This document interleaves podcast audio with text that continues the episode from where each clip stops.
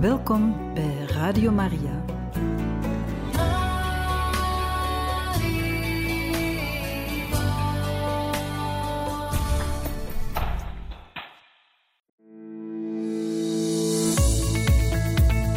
Exodus en Magnificat 90. Een opgang naar Pasen in 90 dagen bij Radio Maria.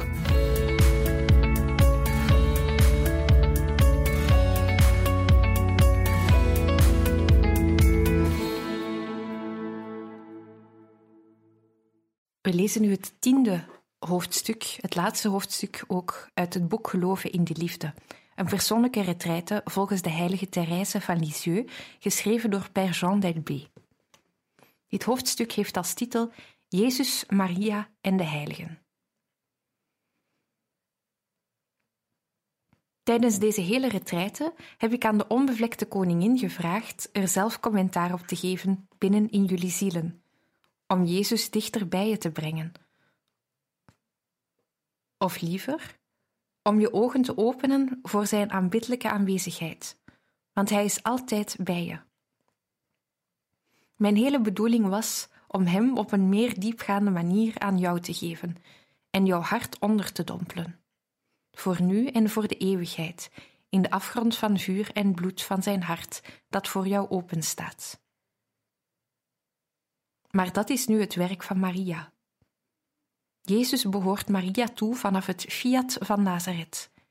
Het is haar voorrecht om hem te geven en hij wil ook door haar jouw gaven ontvangen en vooral je hart. Mogen zij je verbergen in haar hart en jou daar voor altijd bewaren. Ik zou je vanavond in enkele woorden de vijf mooiste juwelen van het hart van Maria willen laten zien. Haar eenvoud, haar overgave, haar liefde tot het kruis, haar dorst naar de zielen, haar liefde. Het Evangelie zegt ons niets over de jeugd van Maria. Het lijkt alsof God jaloers die allermooiste diamant verborgen heeft willen houden. En Maria zal haar hele leven die voorkeur houden voor de schaduw, de vergetelheid, het verborgen leven, onder de sluier van de eenvoud, als een wonderbare schat. Denk bijvoorbeeld aan hoe ze in Nazareth, als vrouw van de timmerman, het huishouden doet, veegt, naar de bron gaat, zij de koningin van de hemel. En later verschijnt ze als verloren te midden van de heilige vrouwen, zonder iets dat haar onderscheidt. Ik zie Maria niet in zwijm in de armen van Johannes of van Maria Magdalena. Nee, stabat mater. Zijn moeder stond in de onmetelijke smart en in een goddelijke vrede. Nadat ze hem in het graf hadden gelegd, neemt Johannes haar bij zich in huis en zal ze tot haar ten hemelopneming hetzelfde leven leiden als in Nazareth. Ik stel me Maria voor tijdens de toespraak van Petrus op de ochtend van Pinksteren. Niemand dacht eraan dat de moeder van de verrezen Jezus, waarover Petrus sprak, dat de moeder van God, de bruid van de Heilige Geest die hun harten in vuur en vlam zette, zich daar in stilte onder hen bevond. Maria is onder de heiligen degene die het meest navolgbaar is. Als ik in de lijst van heilige mannen en vrouwen zoek naar een voorbeeld voor de nederigste en armste van alle vrouwen op aarde, dan vind ik niemand die meer op dat voorbeeld lijkt dan Maria. Therese heeft de weg naar Nazareth teruggevonden. Zij heeft die eenvoud benaderd, maar zonder hem te evenaren, verre van dat. In de karmel is er nog de soberheid van het tabijt en van het traliehek. In Nazareth niets van dat alles. Jezus verlangt in onze tijd heiligen op de wijze van Nazareth, die zich uiterlijk in niets onderscheiden, maar die van binnen branden. Er zijn trouwens nooit meer heiligen van die geestelijke kracht geweest dan in onze tijd. Het tweede juweel is haar totale overgave, haar levende en onbegrensde geloof. De engel kondigt haar die ongehoorde zaak aan. Ze zal de moeder worden van de Messias, de zoon van God zal haar zoon zijn. De engel stelt haar gerust als ze ontroert in haar nederigheid niet begrijpen kan, hoe ze dan maagd kan blijven. De Heilige Geest zal over u komen en de kracht van de Allerhoogste zal u overschaduwen. Hij brengt haar onder ogen dat niets onmogelijk is voor God. Hij geeft haar een teken. God heeft gesproken en het antwoord ontspringt aan het diepste van de ziel van Maria. Zie de dienstmaagd des Heren, mij geschieden naar uw woord. O dat fiat van Maria dat ze uitspreekt uit naam van de gehele mensheid. Zonder haar zouden we Jezus, zouden we onze broeder, onze vriend, onze redder niet hebben. Aan de basis van onze verlossing ligt de liefdevolle overgave van Maria. Aan de basis van de verlossing van de zielen, die God besloten heeft te redden door jou, moet ook jouw liefdevolle overgave, jouw ecce ancilla, zie de dienstmaagd staan. Jouw fiat, waar Hij ons iedere dag meermalen om vraagt en die onze zwakke natuur soms zoveel kosten, die aanvaarding van de goddelijke wil zonder reserve, wat die ook zijn mag, die zo vaak een kruis is, maar altijd aanbiddelijk. Dan is hier het derde juweel, het derde juweel van Maria, haar heldenmoed in het kruis. Jezus zei tot Margaretha Maria: Het kruis werd vanaf het eerste ogenblik van mijn menswording in mijn hart geplant. We kunnen bedenken dat het op hetzelfde moment ook in het hart van Maria werd geplant. Zij kenden de schriften te goed dat ze niet zou geweten hebben dat haar zoon, de man van smarten, van Jezaja zou zijn. Dat zij hem op zekere dag zou zien. Zijn uiterlijk noch schoonheid waren het bekijken waard. Hij werd doorstoken om onze weerspannigheid, om onze zonden gebroken werd hij gestraft. Zo staat in Jesaja hoofdstuk 53. Al heel snel kreeg ze de bevestiging van Simeon, die haar aankondigde dat een zwaard haar ziel zou doorboren. Wat heeft ze niet moeten doormaken bij de kindermoord van Bethlehem? Ze wist dat dat het voorspel was op de moord op de onschuldige die zij naar armen droeg en aan haar hart drukte. De onthechting van Maria blijkt ook in twee momenten van scheiding met Jezus. Het is zo moeilijk om te verlaten wie je lief hebt. Ze maakte al een droevige scheiding mee bij het overlijden van Jozef. Het evangelie spreekt er niet over, maar we kunnen ons het eerste vertrek van Jezus uit Nazareth voorstellen. Ze was er zeker van dat zijn dood nabij was. Voorbij waren de lange gesprekken met haar zoon, in de onuitsprekelijke zoetheid van de uitwisseling tussen hun beide harten.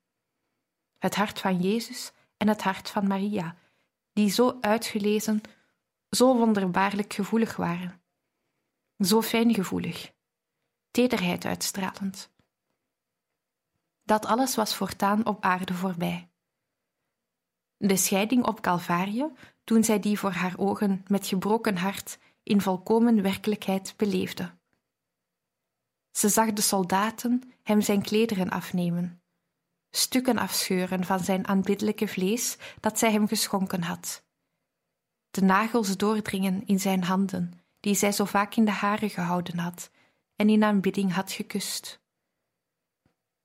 Bernardus zegt: Toen ontving zij in plaats van de Heer de dienaar, in plaats van de meester de leerling, in plaats van de zoon van God de zoon van Zebedeus. Dan voegt hij eraan toe: De steek met de lans doorboorde de ziel van Jezus niet, want hij was gestorven, maar hij bereikte de ziel van Maria ten diepste. Maar Maria sprak zonder aarzelen in haar geest, in haar wil, in haar hart, haar fiat, magnificat uit. Zij wist dat al die kruisen een noodzakelijkheid waren in het goddelijk plan voor het heil van de mensen en het grootste bewijs van liefde dat Jezus haar kon geven. Door die scheidingen bereidde Maria zich voor op het grote weerzien van haar ten hemelopneming. Toen ze zag hoe de wonden waaruit bloed gestroomd had, waren veranderd in wonden waaruit licht en heerlijkheid stroomden. Het vierde juweel dan. De dorst naar zielen.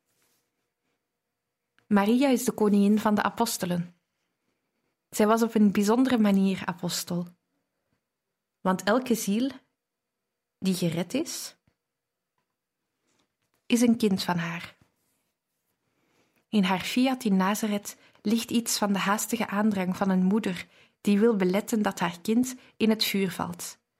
Want zoals geen ander heeft zij beseft wat de zonde is, wat de hel is. Daarom riep ze uit: Ja, geef mij het zwaard, geef mij de landsteek van Golgotha. Ik aanvaard het om Jezus te zien lijden en sterven, om mijn andere kinderen te redden. De heilige Thomas van Villanova zegt dat er zich in haar twee liefdes bevonden: de liefde tot Jezus en de liefde tot de mensen. Haar moederhart voor de mensen heeft het gewonnen. Zij heeft de mensen zozeer bemind dat zij haar enige zoon voor hen heeft overgeleverd. In zekere zin kan men op haar het woord van de schrift toepassen.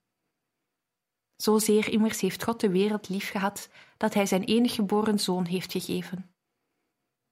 Maar in het hart van Maria was er geen strijd tussen twee liefdes, omdat ze haar liefde voor de mensen, die sterker was dan de dood, putte uit haar liefde voor Jezus. Bij Maria begint alles met Jezus en alles streeft naar eenzelfde doel: de redding van de arme zondaars. En zo is Maria middelares door haar deelname aan het uniek middelaarschap van de Verlosser. Het vijfde juweel van het hart van Maria is haar zuivere liefde. Dat is de diamant waarvan de weerschijn afstraalt op alle anderen. Dat is meer dan een juweel aan haar hart, het is haar hart zelf. De liefde van Maria verklaart alles. Het fiat van Nazareth dat haar tot moeder van God maakte, het fiat van Calvarie wat haar tot onze moeder maakte. Maria was een en al liefde omdat zij geheel zuiver was. De zuiverheid is niet alleen de afwezigheid van alle vervuiling van de zonde. We maken van de zuiverheid te veel een synoniem van de afwezigheid van zonde. Wat een vergissing om daar al te stoppen. Om de duisternis te verdrijven is licht nodig. De afwezigheid van zonde is een voorwaarde, maar de positieve schoonheid van de heiligmakende genade is vereist. Dat wil zeggen, de heilige drie-eenheid in ons. En dat nu is de zuiverheid. Maria vol van genade. Ga altijd tot Jezus door Maria, maar niet uit vrees voor Jezus. Jezus wordt in de vrome boeken vaak voorgesteld als een rechter en Maria als de barmhartige moeder. Ach, zo is het helemaal niet. Want als Maria een barmhartig hart heeft, een hart met een onuitsprekelijke tederheid, dan heeft Jezus haar dat gegeven. Hij heeft meer nog dan zij een moederhart. Nee, dat is niet de reden dat we altijd tot Jezus moeten gaan door Maria, maar omdat het zijn liefdesplan is. Zoals Hij door Maria tot ons gekomen is, zo wil Hij graag dat wij naar Hem gaan door Maria. Dat is de zekerste weg, de meest rechtstreekse en ook de meest zachtzinnige weg. Waarom dan? omdat we Jezus vinden in de armen van Maria. En bovendien kijkt hij meer naar de gever dan naar de gave. Laat Maria hem al onze gaven aanbieden en bovenal de gaven van onszelf. De zachtmoedigheid en de moederlijke tederheid van Maria, mijn moeder, mijn zuster, mijn koningin, zijn voor mij zo zacht en teder omdat ze voortvloeien uit de barmhartigheid van God en niet omdat ik ze plaats tegenover de rechtvaardigheid van God. De Heilige Geest werkt vaak in ons door middel van aantrekking. Wat voel ik me aangetrokken tot Maria? De aantrekking die een kind voelt tot zijn moeder. Blij, vurig en vol liefde verberg ik me onder haar mantel. Nestel ik me in haar armen, aan haar hart, waarbij ik mijn liefde tot haar vermeng met de liefde die de Vader, haar Vader, voor haar heeft. Met de liefde die Jezus, haar Zoon, voor haar heeft. Met de liefde die de Heilige Geest haar bruidegom voor haar heeft. Alles is tederheid, zachtmoedigheid, erbarmen. Alles wordt gedeeld. Alles is liefde. Nee, ik ga niet uit vrees voor God naar Maria, maar uit liefde tot Hem. En tegelijkertijd uit liefde tot haar, om alles met Hem te delen.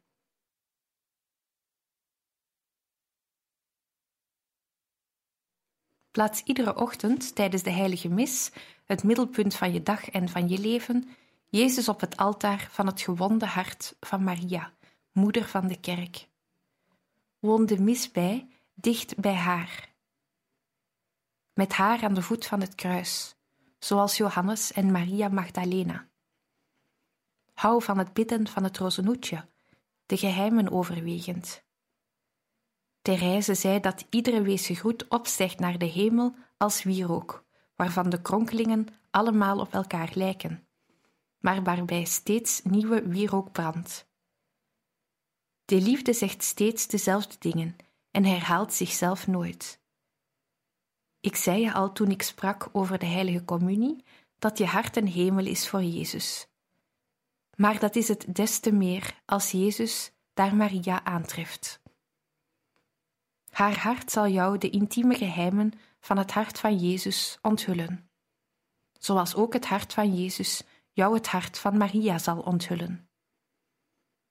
Doe voor het evangelie van Maria wat Maria deed voor het evangelie van Jezus.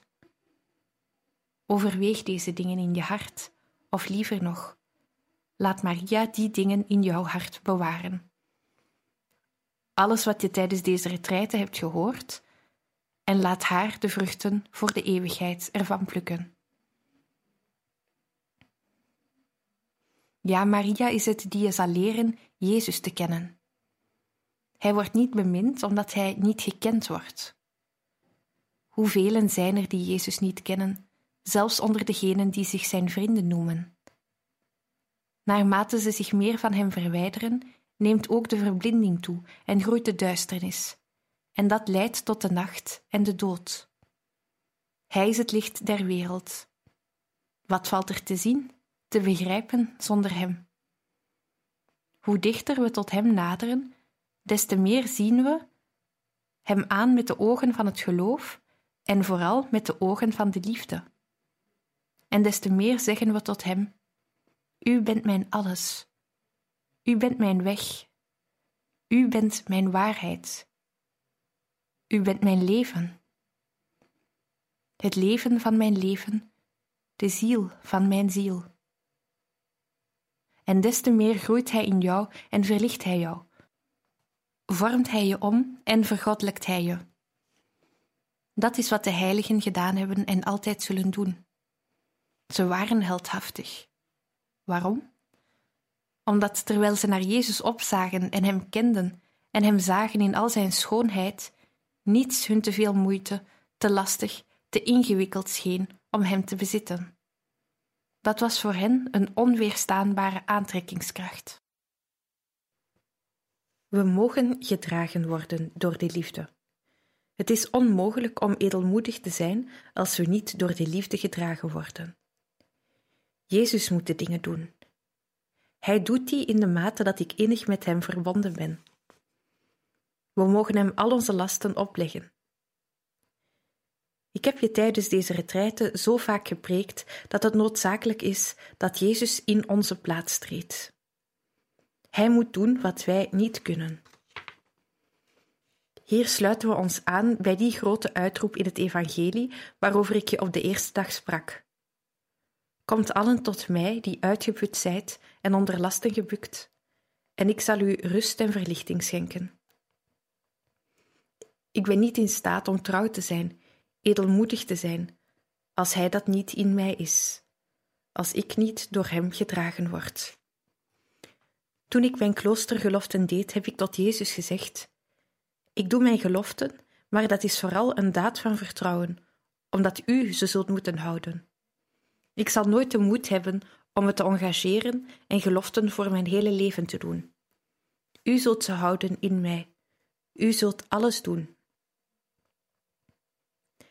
De heiligheid, dat is dat Jezus in ons groeit, terwijl wij sterven aan de schepselen en aan onszelf, waarbij Hij alles inneemt en ons uiteindelijk in Hem omvormt. Wat een lessen kunnen we hierover leren in de school van de heiligen? Vanuit wat een eenheid hebben zij met Hem op aarde geleefd? Ze zijn hier op aarde door de genade begonnen aan wat zij in eternam, in de heerlijkheid voort zullen zetten. Hun Heer en hun God beminnen en aanschouwen. Kijk naar Petrus. Jezus neemt al bij de eerste ontmoeting bezit van hem. Gij zijt Simon, de zoon van Johannes. Gij zult Kefas, dat betekent rots, genoemd worden. Enkele dagen later stapt Jezus in de boot van Petrus om het volk te onderrichten, en nadat hij is opgehouden te spreken, doek in altoem, spring in het diepe. Laten we vertrekken naar de volle zee, wij tweeën, naar de oceaan van de liefde. Jij, Petrus, ga met mij naar volle zee en werp dan je net uit, omdat mij beminnen betekent de zielen beminnen zoals ik en met mij. Petrus had de hele nacht lang niets gevangen. Met Jezus in zijn boot vangt Petrus in een oogwenk een wonderbaarlijke hoeveelheid vissen. Wat een dwaasheid om zonder Jezus uit vissen te gaan. Als we samen met Hem vissen, dan kunnen we er zeker van zijn dat we een wonderbaarlijke hoeveelheid zielen zullen vangen. Jezus blijft groeien in het hart van Petrus. Heer, naar wie zouden wij gaan? Uw woorden zijn woorden van eeuwig leven. En toch heeft Petrus hem verloochend, omdat hij te veel op eigen kracht rekende. Hij had grote natuurlijke kwaliteiten: gezag, initiatief, besluitvaardigheid, ijver. Hij steunde op zijn gaven en daar ging hij de fout in. Dat was zijn grote vergissing. Hij had een les nodig. Die kreeg hij, maar de liefde was zijn redding. In de blik van Jezus bij Caiaphas las hij geen verwijt, maar wel barmhartigheid. Hij was gered. Ik heb vaak nagedacht over die twee blikken van Jezus in het Evangelie. Zijn blik op de rijke jongeling die naar hem toekwam en zei: Heer, wat moet ik doen om volmaakt te zijn? Jezus noemt hem de geboden en de jonge man antwoordt: Heer, dat alles heb ik onderhouden. Het evangelie verhaalt dat Jezus een blik van liefde wierp op de jonge man, die zo trouw, zo edelmoedig was geweest. Hij zei tot hem: Wilt ge volmaakt zijn? Ga dan naar huis, verkoop wat je bezit en geef het aan de armen. En kom dan terug om mij te volgen. Die jonge man was zeer rijk. Hij had niet de moed om zijn rijkdom op te geven. Wat moet het een verwarring voor hem geweest zijn toen hij boven aankwam en zag wie hij had laten zitten en voor welke vergankelijke rijkdom. De tweede blik van Jezus na de verloochening van Petrus. Petrus had hem driemaal verloochend, met een godlastering. Dat was geen kleinigheid. Na alles wat hij had meegemaakt, na alle bewijzen van liefde die zijn goddelijke meester hem had gegeven, de zonde van Petrus is werkelijk een afschuwelijke zonde. Ondervloeken degene verloochenen die je zozeer bemind heeft, die je zelf uit het diepste van je hart bemint. Wat een lafheid. Wanneer de haan gekraaid heeft, keert Jezus zich om naar Petrus. Hij richt op hem een blik van verwijt, ja, maar een verwijt vol erbarmen. Een verwijt dat zo zachtaardig is dat de ziel van Petrus er tot in het diepst getroffen wordt. Hij aanvaardt die barmhartigheid. Hij heeft berouw. Hij weent, wordt daarna nog meer oversteld met genade dan wanneer hij Jezus niet verloochend had. Je ziet hier hoe Jezus zijn grote werken, zijn meesterwerken van liefde, baseert op de ellende. Hij heeft toegestaan dat Petrus, de eerste paus, de steunpilaar van zijn kerk, zo diep valt om hem door zijn barmhartigheid nog groter te maken. We zien dus dat de blik van liefde op de mooie ziel van de jongeling uit het evangelie niet tot de overwinning van de liefde leidde. De blik op de zondige ziel van Petrus behaalde wel de overwinning van de liefde. Dan bid ik maar, Jezus, werp op mij, arme ellendige zondaar die ik ben, die blik van erbarmen die alle overwinningen tot stand brengt. Maar je kunt alleen intiem met Hem zijn als je Hem goed kent en als je Hem kent zoals Hij is. Het verhaal van Johannes, de beminde leerling aan zijn hart, moet jouw verhaal zijn. Waarom was Johannes vrijpostiger ten opzichte van Jezus? Omdat hij hem het beste kende. Daar rust hij aan de borst van de Meester en daar leert hij hem nog beter kennen. Hoe beter hij hem kent, des te meer vlijt hij zich aan zijn hart, en hoe meer hij zich aan zijn hart vlijt, des te beter leert hij hem kennen. Het is zeker dat hij hem beter kende dan de anderen. Denk maar aan de wonderbare visvangst. De apostelen hadden de hele nacht gevist en niets gevangen. In de ochtend verschijnt hun iemand aan de oever die hun toeroept: werpt het net aan de achterkant uit. Ze werpen het net aan de rechterkant uit en in een oogwenk vangen ze een grote hoeveelheid vis. Aanstonds herkent Johannes hem. Dominus est.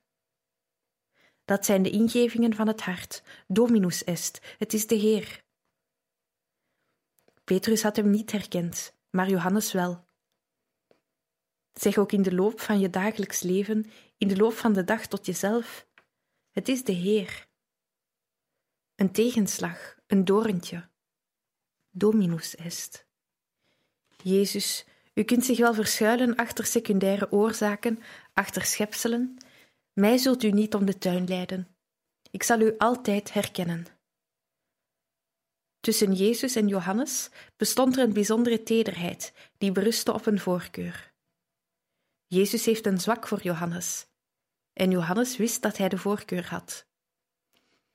Tussen de zachtmoedige meester en hem bestond er een bijzondere sfeer, iets aparts. Johannes begreep zijn goddelijke vriend met een half woord. In blik van hem zei Johannes meer dan twintig woorden tot de anderen gesproken.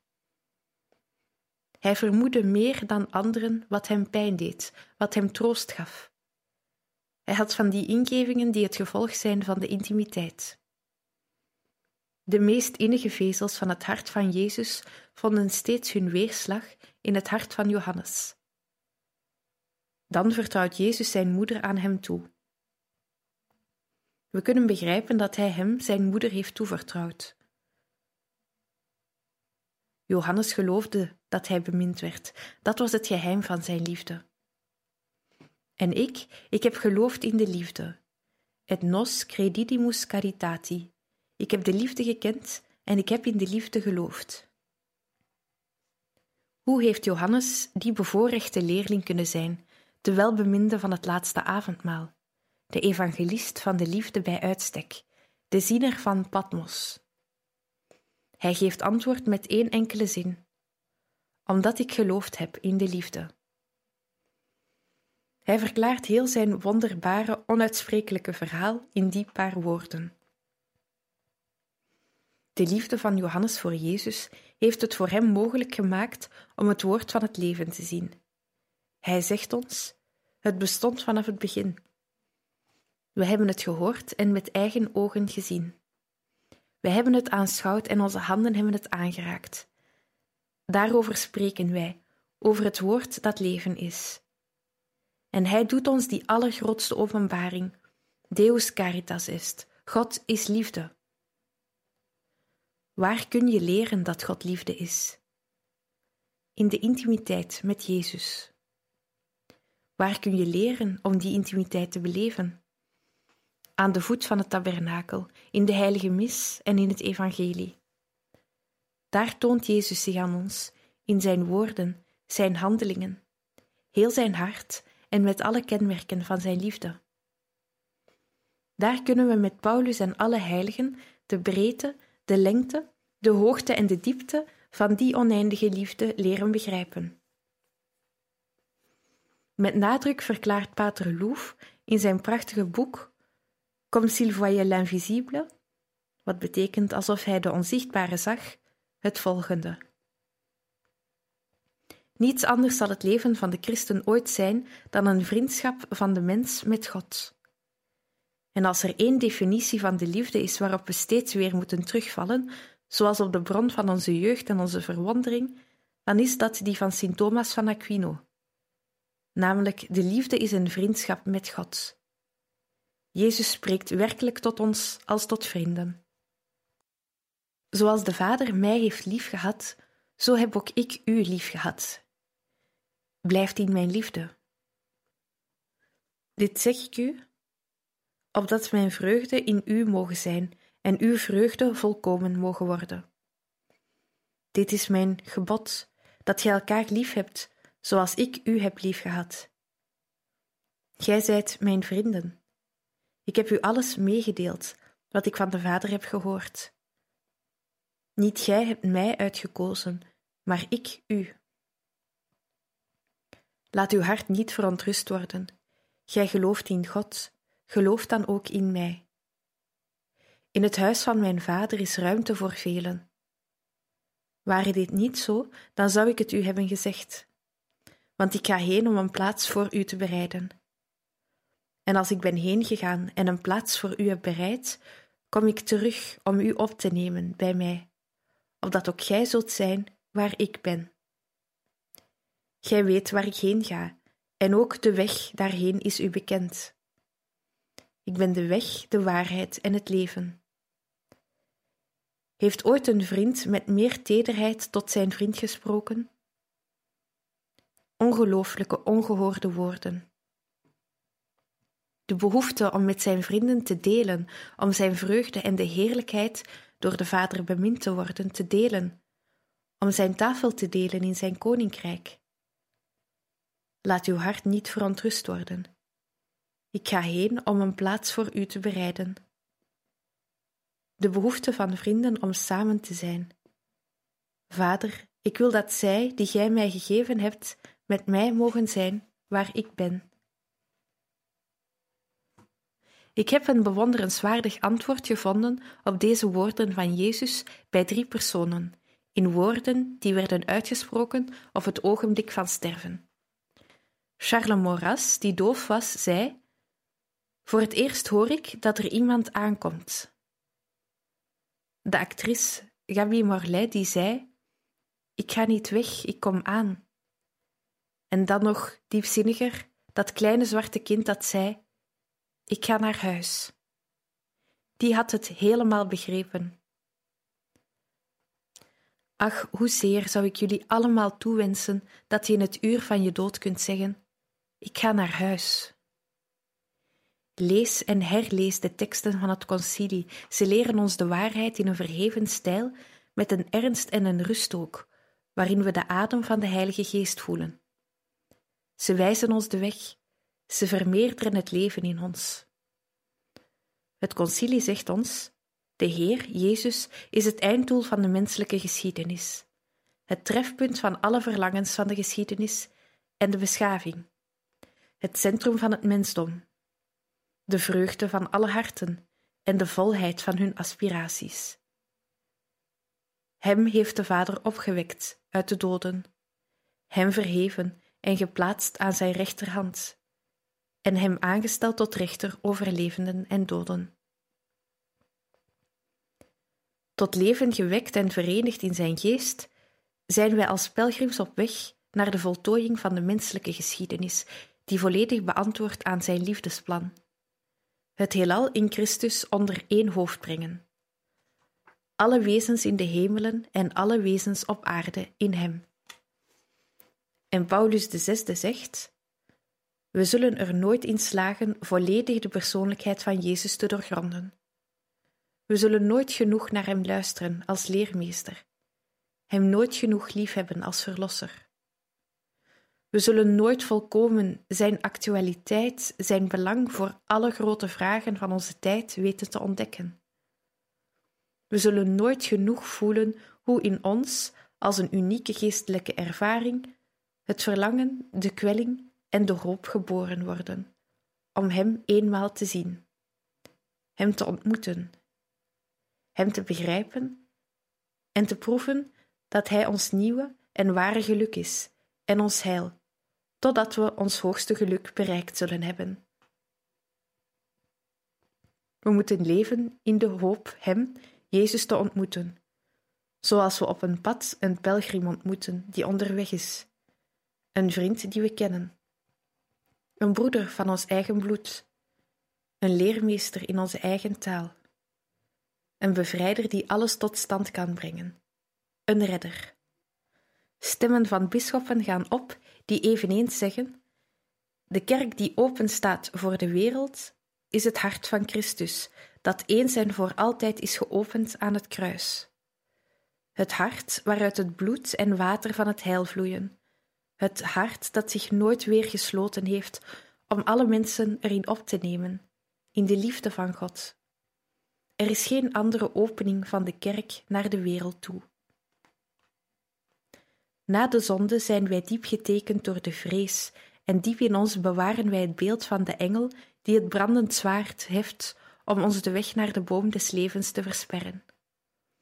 Alsof sindsdien Bethlehem er niet geweest was en de zachtmoedigheid van Nazareth, de verlossing op Calvarië, de onuitsprekelijke gave van de Eucharistie, de volkomen overwinning van de verrijzenis.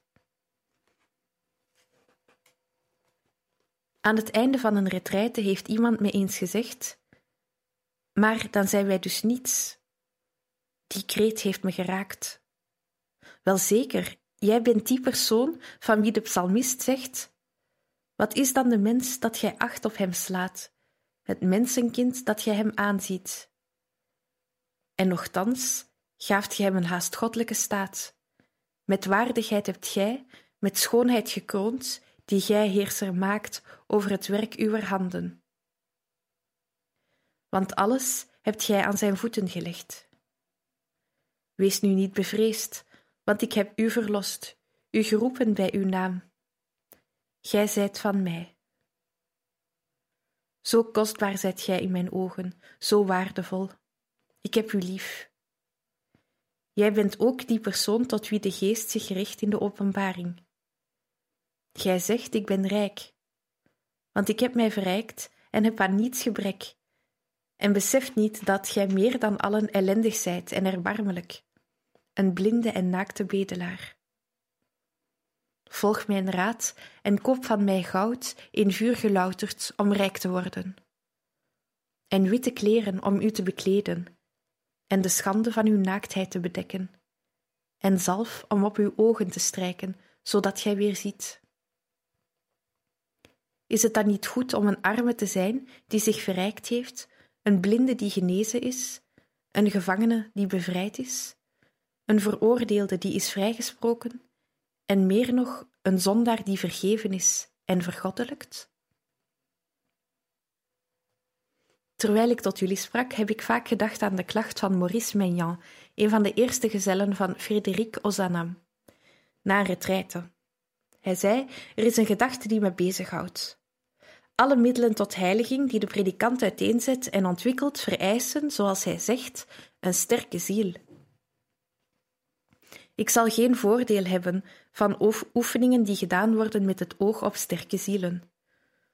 O lieve God, wijs mij waar de oefeningen te vinden zijn die goed zijn voor de zwakke zielen.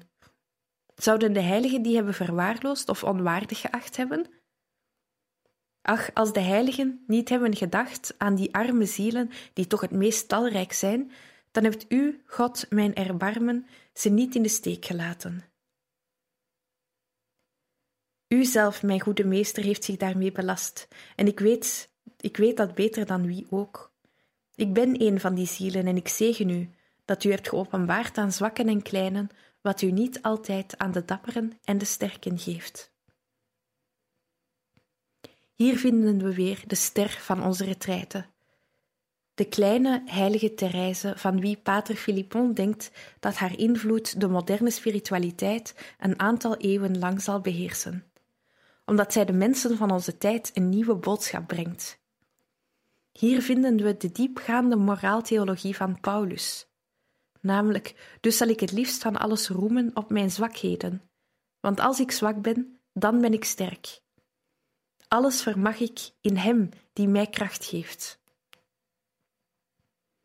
Laat je niet beïnvloeden door beschuldigingen van sentimentalisme, van te veel willen lijden, van achterhaald individualisme, die worden aangevoerd tegen hen die niet bang zijn om over het hart van Jezus en het hart van Maria te spreken. Je vergist je niet als je een Gertrudis, een Franciscus van Sales, Jean Eude, Margaretha Maria, Therese van het Kind Jezus en pausen navolgt die allemaal een echo zijn van Johannes. Een uitdrukking van dank na een retraite die me het meest heeft geraakt, is deze. U heeft aan ons de eeuwige waarheden van alle tijden verkondigd. Er is niets in de wereld waar ik zo zeker van ben als van de liefde van Jezus voor ieder van ons. Er is niets dat ik met grotere zekerheid aan een ziel kan verklaren dan dat Jezus haar lief heeft, tot en met de dwaasheid van het kruis en de heerlijkheid van de verrijzenis. We moeten tot de gelovige en ongelovige zielen steeds weer zeggen dat Jezus hen lief heeft, terwijl wij op zijn komst wachten. En steeds weer de boodschap van de engel met kerstmis herhalen. Een grote vreugde, u is een verlosser geboren. En tenslotte, we moeten geloven in de liefde.